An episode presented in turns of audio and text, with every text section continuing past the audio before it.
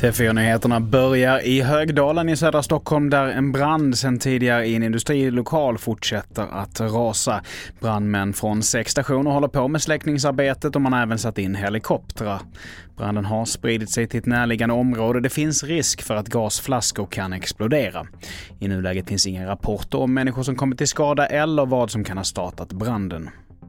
Och vi fortsätter med att förhandlingarna i SAS-konflikten fortsätter och idag så diskuterar man det förslag som SAS presenterade igår.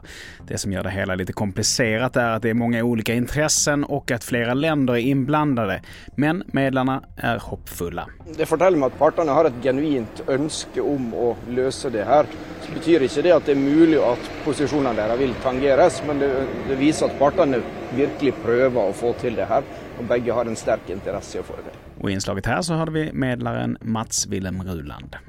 Och till sist, efter sommarlovet så kommer danska barn inte längre få använda Google Chromebooks-datorer i skolan. Detta efter ett domslut i Helsingör.